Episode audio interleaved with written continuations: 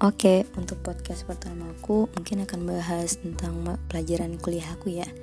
Untuk soal pertama, apakah masih relevan belajar fikih muamalah, usul fikih, makosyid syariah, akad-akad pada era kontemporer dan digital? Menurut aku iya, bahkan sangat relevan. Kenapa?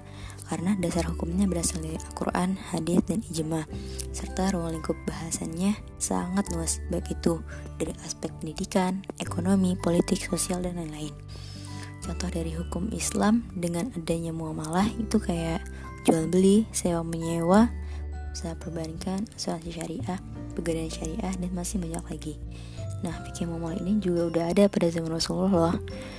Contohnya dalam segi ekonomi, pada zaman Nabi ketika melakukan transaksi antara penjual dan beli, penjual menyerahkan barangnya dan pembeli mengambil barangnya dengan mengatakan, "Baik, saya terima barang ini dengan harga segini-segini." Nah, itu udah termasuk akad. Namun untuk zaman sekarang ini bisa diambil contoh, kita mau beli sesuatu atau barang di minimarket atau warung atau tempat belanja lainnya lah. Pas mau beli, kita lihat harganya dulu kan. Terus kalau udah setuju sama barangnya kita biar ke kasir. Habis itu pulang. Nah terus akadnya di mana? Akadnya itu di antara pembeli suka sama barangnya dan penjual rela menyerahkan barangnya. Dan situ tidak ada horor horor karena pembeli tahu harganya dan penjual rela menyerahkan barangnya apalagi untuk di era globalisasi sekarang ini dengan perkembangan teknologi yang maju bahkan jual beli juga bisa dilakukan via digital. Dengan syarat suka sama suka dan tidak melakukan hal yang melanggar.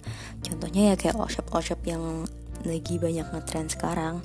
Nah itu juga termasuk salah satu contoh fikih muamalah yang diterapkan pada zaman sekarang.